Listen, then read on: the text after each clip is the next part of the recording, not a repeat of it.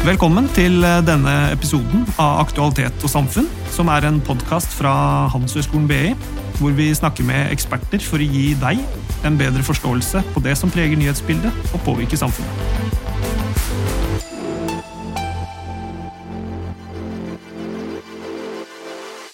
Da kan jeg ønske Mats Nordmo Arnestad velkommen til studio. Tusen hjertelig takk. Jeg heter Martine Frikk, og jeg jobber i kommunikasjonsavdelingen på BI. Mats, du er psykolog, forsker og foreleser her på BI. I eh, BI-serien din eh, Hele Norge jobber så fokuserer du på viktige problemstillinger i arbeidslivet. I dag skal vi snakke om et av temaene for en av episodene i den serien, nemlig karriere. Og Mats, du har jo sagt at noen mennesker de har en jobb, andre har en karriere. Hva mener du egentlig med det? Ja, det sier jeg, og det er en forskjell. Eh, vi kan se på etymologien i de to ordene, altså ordenes opphav. Jobb eh, er det eh, Eller arbeid, som vi, som vi ofte sier på norsk, som kommer av det gammeltyske ordet 'arbeiten', betyr smerte og lidelse. Eh, og jobb sier Nordstamme, husker jeg ikke helt nøyaktig. Jeg vet at Noen hevder at jobb er gammelgelisk og betyr ekskrement, men det har jeg hørt bare er tull. Så det betyr ikke bæsj. Men, eh, men det betyr ingenting positivt og ingenting deilig. Og ingenting stilig. Mens karriere, som er det franske ordet, det er en racerbane der ting går fort hit og dit.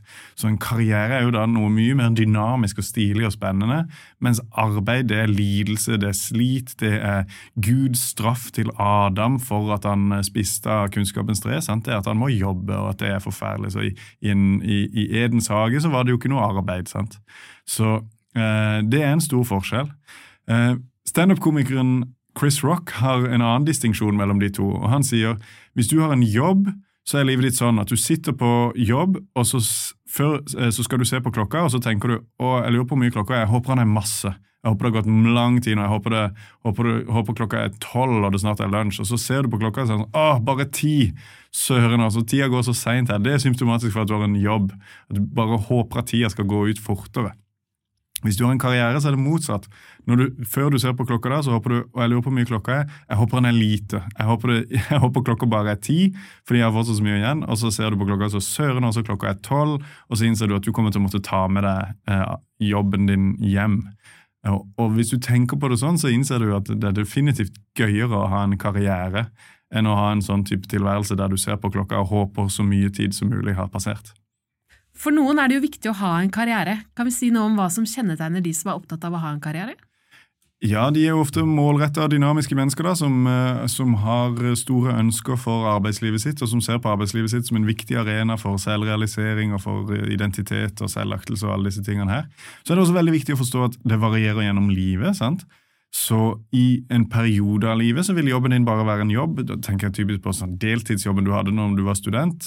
Eh, for veldig mange var jo det bare noe vi gjorde for å få nok penger til å kunne gå ut og drikke øl. sant? Eh, mens eh, andre perioder av livet så står jobben veldig i fokus, og det å nå de målene man har satt seg, blir plutselig veldig, veldig, veldig, veldig viktig.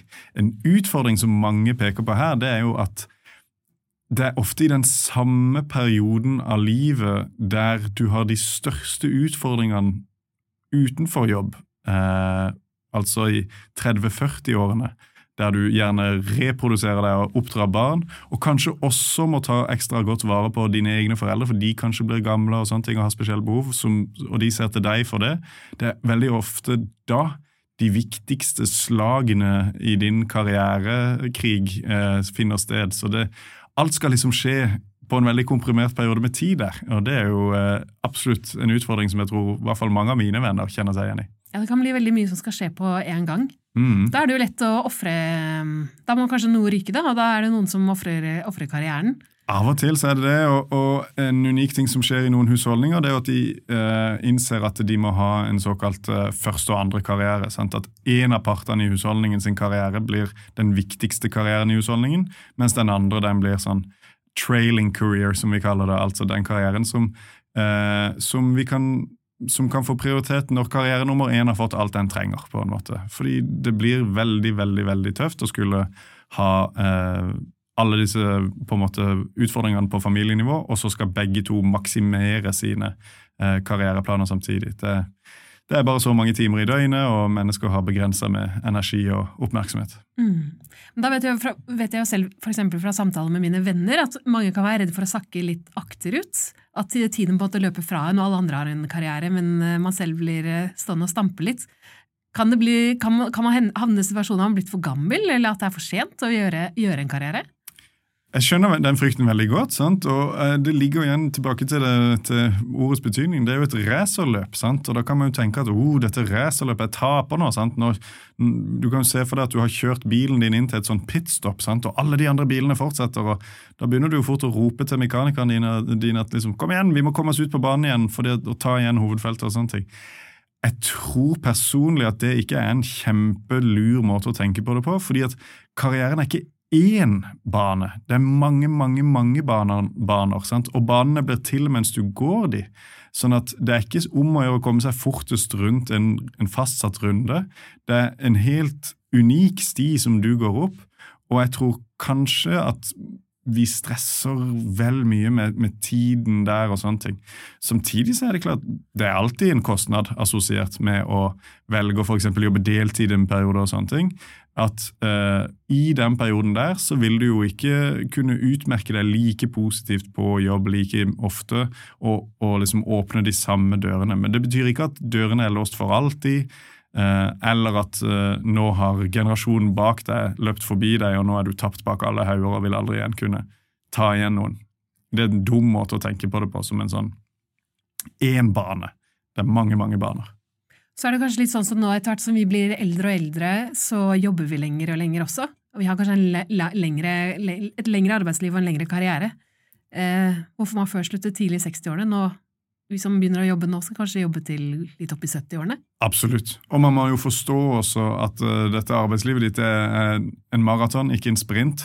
Så jo da, du kan jo uh, Jeg pleier ofte å spørre hvis jeg holder foredrag, så pleier jeg å spørre folk uh, Hvis vi sier at 100 det er så hardt du kan jobbe, det som er mulig for deg, hvilken prosent ligger du som regel på? Og Da pleier de fleste å si jeg ligger rundt 60 sant? Ledere pleier å si jeg ligger sånn 70-80 uh, mens, resten sier sånn ca. 60. Um, og det høres ut som sånn, å, for noen late folk sant, som ikke gir 100% hver dag. Men det er ca. like smart å gi 100% som å stille til startstreken i, i maraton og så bare full spurt som om det er 60-meteren de første ja, 60 meterne. Det går jo an, og da gjør du det veldig bra i begynnelsen, men da kommer du til å ligge, eh, ligge med masse melkesyre i lårene etter bare sånn 350 meter inn, og det er jo ikke et vellykka maraton. Så du er nødt til å ha en slags bærekraft i livet ditt på disse tingene her. Og det er nok grunnen til at karriere da det er stort rom for å tenke karriere i noen deler av livet, og mindre rom for å tenke karriere i andre deler av livet. Alt i sin tid. Alt i sin tid, rett og slett. Men Si at du har bestemt deg for at du skal ha en karriere. da. Er det, er det viktig å sette seg mål da i karrieren? Det tror jeg. Målsetting er en av de på en måte viktigste og mest som brukervennlige måtene å motivere seg selv, og også gi seg selv litt retning. Sant? Så um, mål er de oppleves som motiverende i seg selv. Hvis du holder på med et eller annet og du får satt et mål, så øker motivasjonen din bitte litt. Fordi det, det retter fokuset ditt et sted, særlig hvis vi holder på med noe som er veldig komplisert og innvikla, som en karriereplan er, så får du en eller annen sånn nordstjerne med en gang du har satt deg et mål. sant? Uh, og Da får du fokus og da får du retning, og det øker også utholdenheten vår, det å jobbe mot et mål i stedet for å bare jobbe i det hele tatt. Sant? Så uh, Det er derfor alle små barn bak i baksetet roper 'er vi fremme snart'? Sant? Fordi de, lurer på hvor lenge det er igjen, hva, hva er målet? Sant? Og Det er derfor man i militæret, når man skal være forferdelig ondskapsfull i, en sånn helvetesuke, eller noe slikt, Eh, lar soldatene bare marsjere uten å fortelle dem hvor vi skal, eller hvor lenge øvelsen kommer til å vare. For det er unikt psykologisk utmattende. Så å sette seg et mål er veldig stimulerende på den måten. Og så er det viktig å skille mellom to ulike mål her. Det ene er et prosessmål, og det andre er et utfallsmål. Utfallsmålet Begge deler er lure å ha, men utfallsmålet er de målene som dypest sett ikke bare er opp til deg, men også opp til noen andre. Sant? Så du kan si målet mitt er å bli eh, administrerende direktør på BI før jeg fyller 50. Det er dels opp til deg, men ikke bare. Det er opp til en hel haug andre ting. En hel haug andre folk som kanskje har den samme ambisjonen. Eh, og også opp til mennesker som selekterer dette. og sånne ting. Eller til studentene som sier målet ditt er kanskje å få A på eksamen eller B på eksamen. Det er et fint utfallsmål å ha, men det er ikke bare opp til deg, det er jo egentlig også opp til sensor. sant? Så der er litt av kontrollen uh, hos deg, men litt av kontrollen eh, utenfor deg. Du burde også ha noen prosessmål. Det er de målene som er 100% på ditt bord. Og det er jo hva skal du gjøre for å optimalisere sannsynligheten for at du når det utfallsmålet. Og Da burde du sette da ting som du vet eller det er all grunn til å tro at kommer til å øke sannsynligheten for å nå det, men som du kan sørge for at du kan gjøre, og som du også har anledning til å følge med din egen utvikling på. Så du kan selv se ok, gjør jeg dette i tråd med den planen jeg har, og så kan du justere planen hvis du ser at, at enten du klarer ikke å nå disse målene, eller du klarer å nå disse målene, men de ser ikke ut til å lede frem. Da kan du også jobbe med en coach og mentor og sånne ting, en rådgiver, som kan hjelpe deg å sette nye prosessmål. Så du trenger begge typer. Har du noen eksempler på noen typiske klassiske gode prosessmål? Ja, hvis man sier da at jeg har et, eh, et eh, mål om å bli for min del da professor en gang, sant? Eh, og kanskje jeg kan også binde det i tid og si jeg har lyst til å bli professor før jeg fyller 50, eller noe sånt, så er det et fint utfallsmål. Men det er ikke bare opp til meg. sant? Da burde jeg også gå inn og finne disse kriteriene for hva er det vi må gjøre da. Eh, for å bli professor, så ja, da må jeg publisere masse forskning. og sånne ting. Da kan jeg sette meg prosessmål helt ned til nesten hver uke. sant? Ok, Jeg skal sette av én dag i uka til å skrive forskningspapere. Jeg skal eh, ta sabbat i eh, våren 2027 sant? for å eh, fokusere utelukkende på forskning. Da, og sånne ting. Så de, Det er ting som ligger helt på mitt bord. Um, for studentene sin del, hvis det, ja, målet er å få B på eksamen, ja, da kan du si ja, jeg skal klare å ha lest hele pensum før påske eller, eller før høstferien, og jeg skal ha gjort alle øvingsoppgavene eh, innen, eh, og, og, ha mestret alle øvingsoppgavene innen en måned før eksamen, eller alle, alle den typen ting. Sant? Så det er en ting å si jeg har lyst til å klare å ta 100 kg i benkpress, det er en annen ting å si jeg har lyst til å trene tre ganger i uka. Eh, den trene tre ganger i uka, det kan du bestemme at du kan gjøre. Men om du noensinne klarer 100 kg i benkpress, det er bare delvis opp til deg. Um, men dette med å uh, altså forfrem, Forfremmelser er jo en viktig del av det å ha en karriere. Ofte har man jo helt konkrete mål knyttet til det med, for, med å bli forfremmet.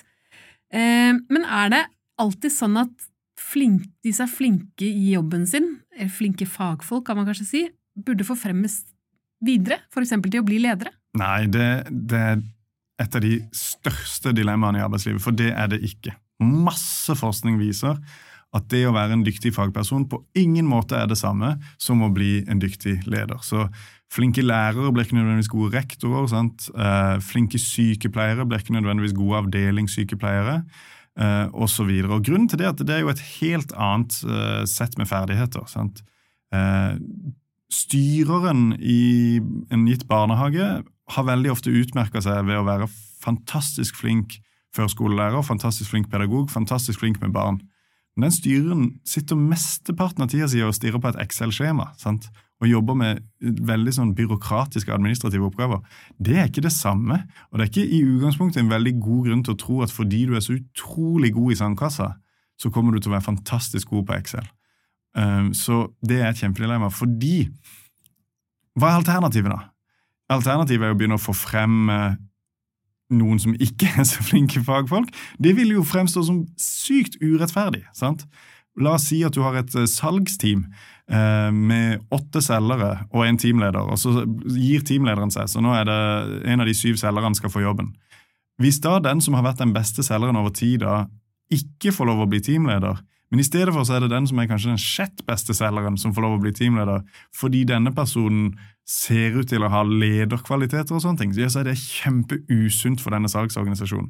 For da vil disse selgerne slutte å prøve å selge alt de kan for å eh, hjelpe karrieren sin, og så vil de heller prøve å løpe rundt og smiske med folk og si kule lederting, sånn team og digital og bærekraft og sånn, på forskjellige møter og skrive sånne ting på LinkedIn. og sånn, Fordi de tenker at da, dette er måten du kommer opp og frem i den organisasjonen. Ikke ved å faktisk produsere gode resultater, men ved å eh, virke ledete på en eller annen merkelig måte. Så det er veldig veldig usunt.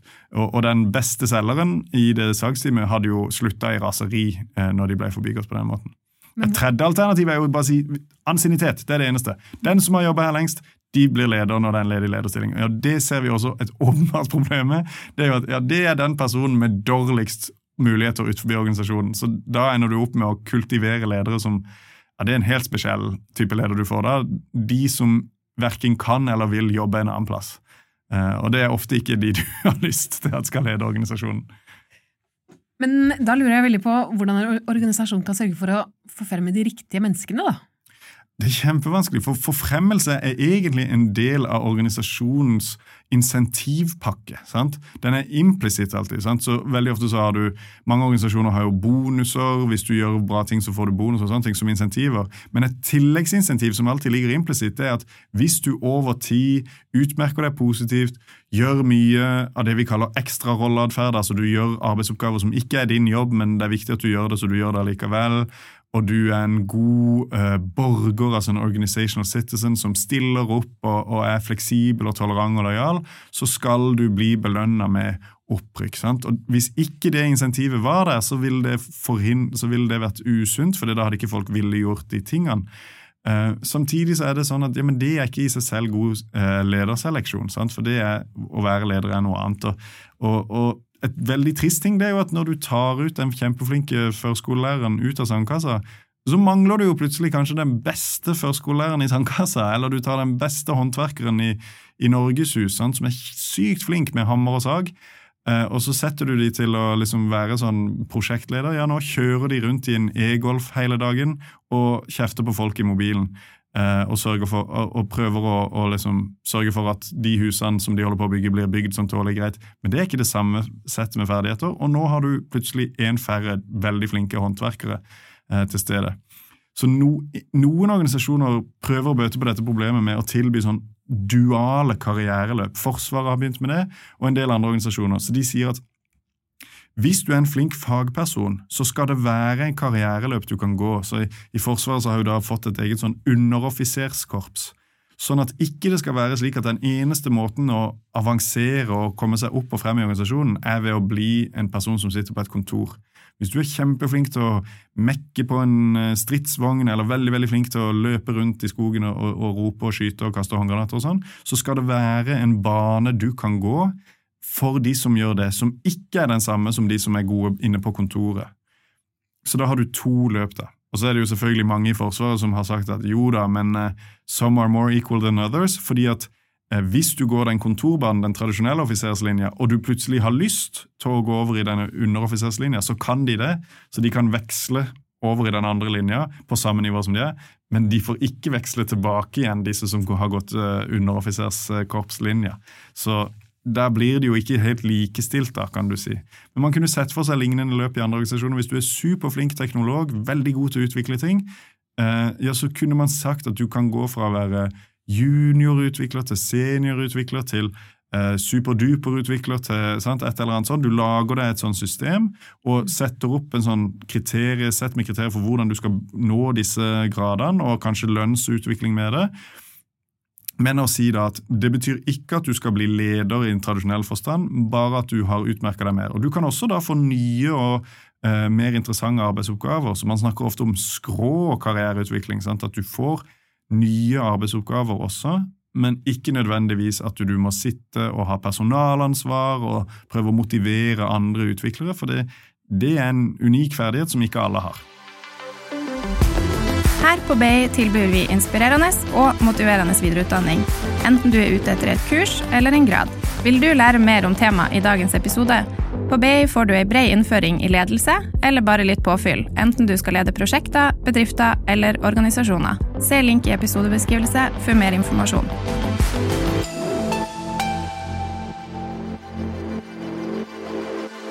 Du har jo før også snakket om det som heter Peter-prinsippet som går ut på at alle mennesker blir forfremmet til eh, sitt første nivå av inkompetanse. Ja. Det må du fortelle litt mer om. Det synes jeg er et veldig morsomt formulert prinsipp.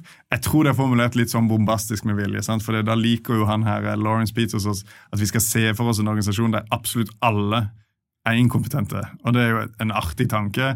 Og, og da kommer vi jo på eksempler på slike med en gang. og bare, ja, totally, sånn er det, Men, så, men det er det jo ikke. De fleste i organisasjonen din er i aller høyeste grad kompetente i sin uh, arbeidsutførelse, men noen er ikke. sant? Prinsippet er likevel der um, uh, er likevel fornuftig. sant? At uh, det er jo som vi sier, det er ikke det samme å være god på ett nivå i organisasjonen og være god på det neste nivået i organisasjonen. sant? Og det som veldig sjelden skjer, hvis du har gått fra å være fagperson til å bli leder, og det etter hvert blir veldig tydelig at det å, det å være fagperson det var du veldig god til, men det å lede folk det var du ikke så god til. Veldig sjelden går folk tilbake igjen. Går folk ned en etasje igjen. og Det er det som er Peter-prinsippet. sant? At du rykker opp et nivå, og Enten blir du stående da i en rolle du ikke mestrer, eller så går du kanskje et steg sidelengs i organisasjonen til en annen rolle du ikke mestrer, men nesten aldri går folk ned igjen når de innser at vet du noe, det var egentlig bedre der du var før enn der du er nå. Hvorfor gjør du ikke det, da? Fordi det er superubehagelig, både psykologisk og økonomisk. og sånne ting. Det er veldig veldig upopulært. Hvis du sier til en medarbeider som har blitt teamleder at vet du noe, når du har vært teamleder en stund, vi syns ikke det fungerer noe bra, så hvis du kan gå ned igjen og bare bli teammedlem, så kommer den personen til å slutte. For det er ydmykende, eh, det er nederlagsbetont, det er veldig smertefullt. Så vi går ikke ned igjen. På samme måte som ingen i Norge går ned i lønn, med mindre de skifter organisasjon. Hvis vi er i den organisasjonen vi har, har, selv om vi bytter roller og sånne ting. Vi går aldri nedover i, i lønn, for det er så smertefullt. Vi synes jo, Mennesker syns jo at tap er dobbelt så vondt som tilsvarende gevinst er godt. Ja. Så det å gå ned en etasje vil føles som å gå ned to, med andre ord. Eller det er dobbelt så vondt som det å gå opp den etasjen var godt. Eh, så det, det gjør vi aldri. Og så er det jo Grunnen til at jeg tror det er for bombastisk formulert, er jo at jo da, det krever andre ferdigheter å bli leder enn å være fagperson. Men ferdigheter er ikke skrevet i stein. Folk utvikler seg og utvikler ferdighetene sine. Så kanskje du kan se for deg en, en ingeniør som plutselig får et personalansvar og blir leder, som i begynnelsen er en ganske klønete og lite motiverende leder.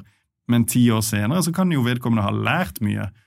Av og til på en vond måte, men de kan jo ha utviklet seg og blitt mye flinkere ledere. Sant? Mange ledere som har ledet en stund, forteller gledelige historier om hvor lite flinke de var syns de selv når, når de ser tilbake på hvordan de utførte uh, sitt verv uh, tidlig i karrieren.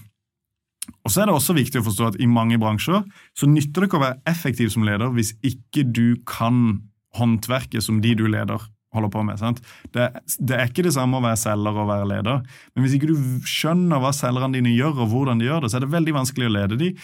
Ikke minst fordi de kommer ikke til å respektere deg. Eh, fordi du avslører eh, til stadighet at du ikke forstår hva de gjør. Da er det veldig vanskelig å ha tillit til deg. sant?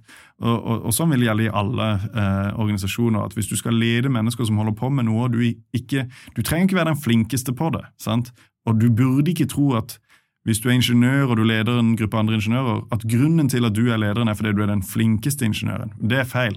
Det er du ikke nødvendigvis. Og du burde være meget åpen for at de andre ingeniørene kanskje er enda flinkere, i alle fall innenfor sine spesifikke fagområder.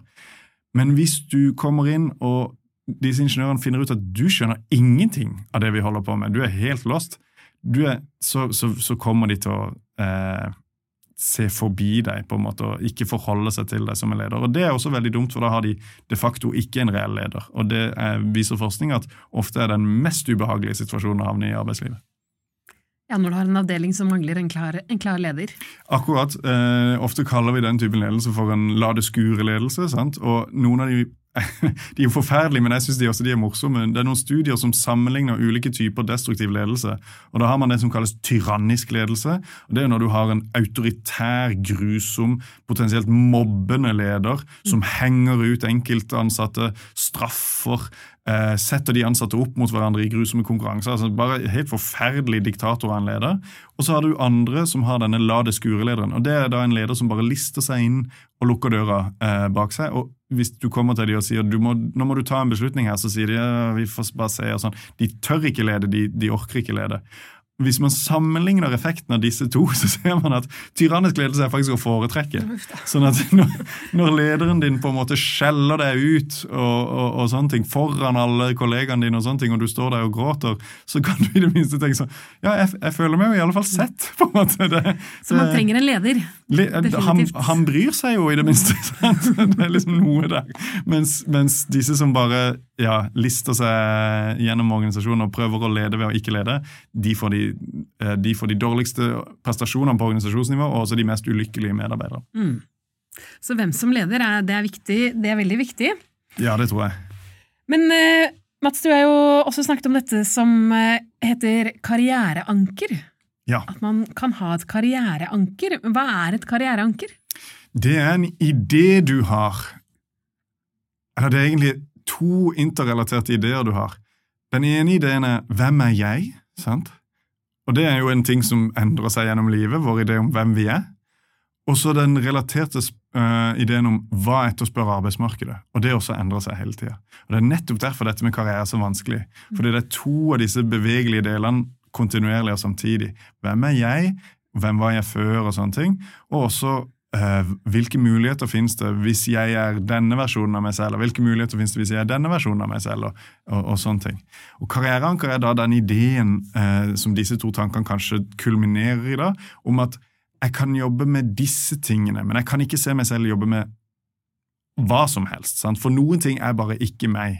Så Et eksempel kunne være du kan se for deg en person som sier jeg har et karriereanker at jeg må jobbe med barn. sant? Eh, men det kan være jeg kan jobbe i barnehage, jeg kan jobbe på musikkskole, jeg kan jobbe i barnevernet, jeg kunne jobbe kanskje i en institusjon eller en bolig. Men på et eller annet vis så er liksom det en viktig del av min identitet å jobbe med barn.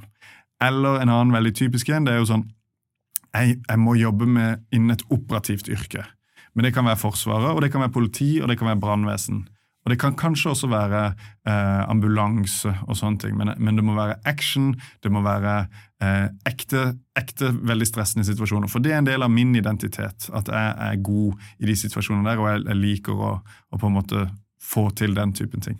Så det er denne mens, mens, hvis du spør en sånn person ja, men hva med å jobbe i barnevernet, så vil de kanskje si nei, det, det kan jeg ikke helt se for meg at jeg kommer til å Det blir ikke meg, på en måte. Da er, da er tauet som henger mellom denne personens sjel og denne personens karriereanker, ikke langt nok til at de kan flyte helt bort til å jobbe, med, jobbe på en skole, f.eks. Så det må være en match der for at du skal kunne bruke det til noe nyttig? Det må det, for ankere er jo nyttige, for de forhindrer oss i å flyte vilt omkring. sant? Og vi burde jo ikke flyte vilt omkring, vi burde jo ha en slags retning, og vi burde ha en idé om identiteten vår og sånne ting. Men Ankeret kan jo potensielt forhindre deg i å til, i å flyte til ting som hadde vært veldig veldig bra, og i verste fall så kan jo ankeret drukne deg. Sant? Så det, mm. det, er veldig veldig unikt med, eller det, det er veldig vanskelig med, med ankeret. Det samme kan vi si om disse karrieremålene. Vi må ikke holde for hardt i de, sant? for ting skifter seg dynamisk. Så vi er nødt til å gjøre det som på engelsk heter å rulle med slagene. Sant? Vi er nødt til å si ok, før så hadde jeg denne tanken om hvem jeg var, og før så var det også slik at arbeidsmarkedet var slik. Men nå har begge disse to endret seg, så kanskje jeg burde oppdatere da. Kanskje jeg skulle flytte ankeret mitt, eller kanskje jeg må bare gi ut litt mer, ha litt lengre tau, litt flere taulengder mellom meg og ankeret mitt. Men er tanken at du på en måte stadig vekk skal ta liksom avsjekk med det du sier er ankeret ditt, og se hvordan, hvordan passer det i forhold til der jeg er nå? hvor jeg, jeg vil tror, Jeg tror det er lurt. Jeg tror egentlig alle mennesker gjør det litt, for vi har i hvert fall den avsjekken på hvem er jeg, og, og hvem var jeg før, og sånne ting. Og det er også lurt å ha en føler ute i arbeidsmarkedet og kjenne på hva er det som etterspørres. Og sånne ting. Og det er fryktelig vanskelig.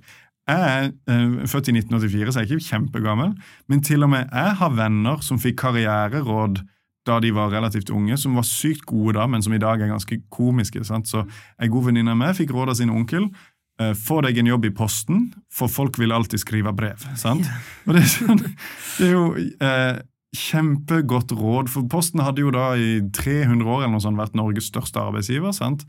Og Posten, eller Bring er sikkert fortsatt en spennende arbeidsgiver, og sånne ting, men den prediksjonen der slo jo veldig feil. sant? Mm. Eh, så, så, det er veldig veldig vanskelig å antisipere hva kommer til å etterspørres her.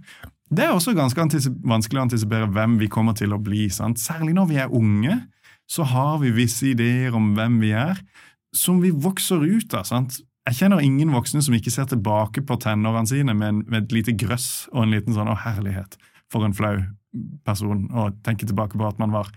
Og det er fint, og da burde man jo selvfølgelig oppdatere Hvis du da, når du var denne sykt pinlige personen, bestemte deg for at du må være brannmann, så burde du ikke holde deg selv til et løfte du ga du, overfor deg sjøl når du var 15 lenger. Du burde frigjøre deg fra det løftet.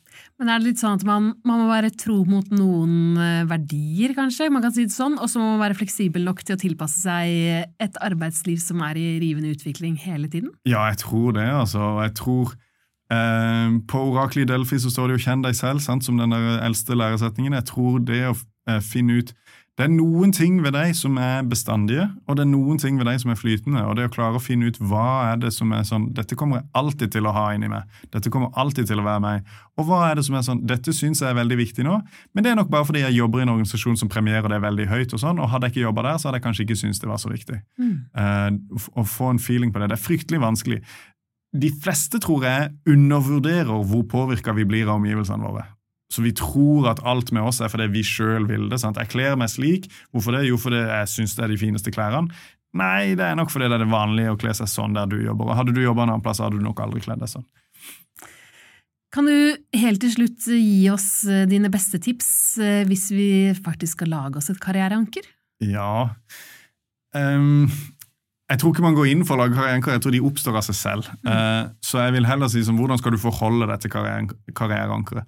Og jeg tror 2023, beste tipset, gi godt med taulengder, altså. Eh, ikke, ikke, ikke ligg og dupp rett over det karriereankeret. Du er nødt til å ha en viss rad, svingradius eh, rundt det stedet du har ankeret opp. Det er flott at du har et anker, men det kan godt være at den neste spennende muligheten eh, for deg, den ligger litt i randsonen av din egen forestillingsevne. Og da er det et veldig veldig viktig poeng er jo da selvfølgelig å klare å utvide den forestillingsevnen bitte litt, og se for deg at du kan bli noe du kanskje umiddelbart ikke kunne sett for deg, men som du med litt tid og med litt øvelse kan si at hei, dette kan bli meg. Mats, takk for en fin prat om temaet karriere.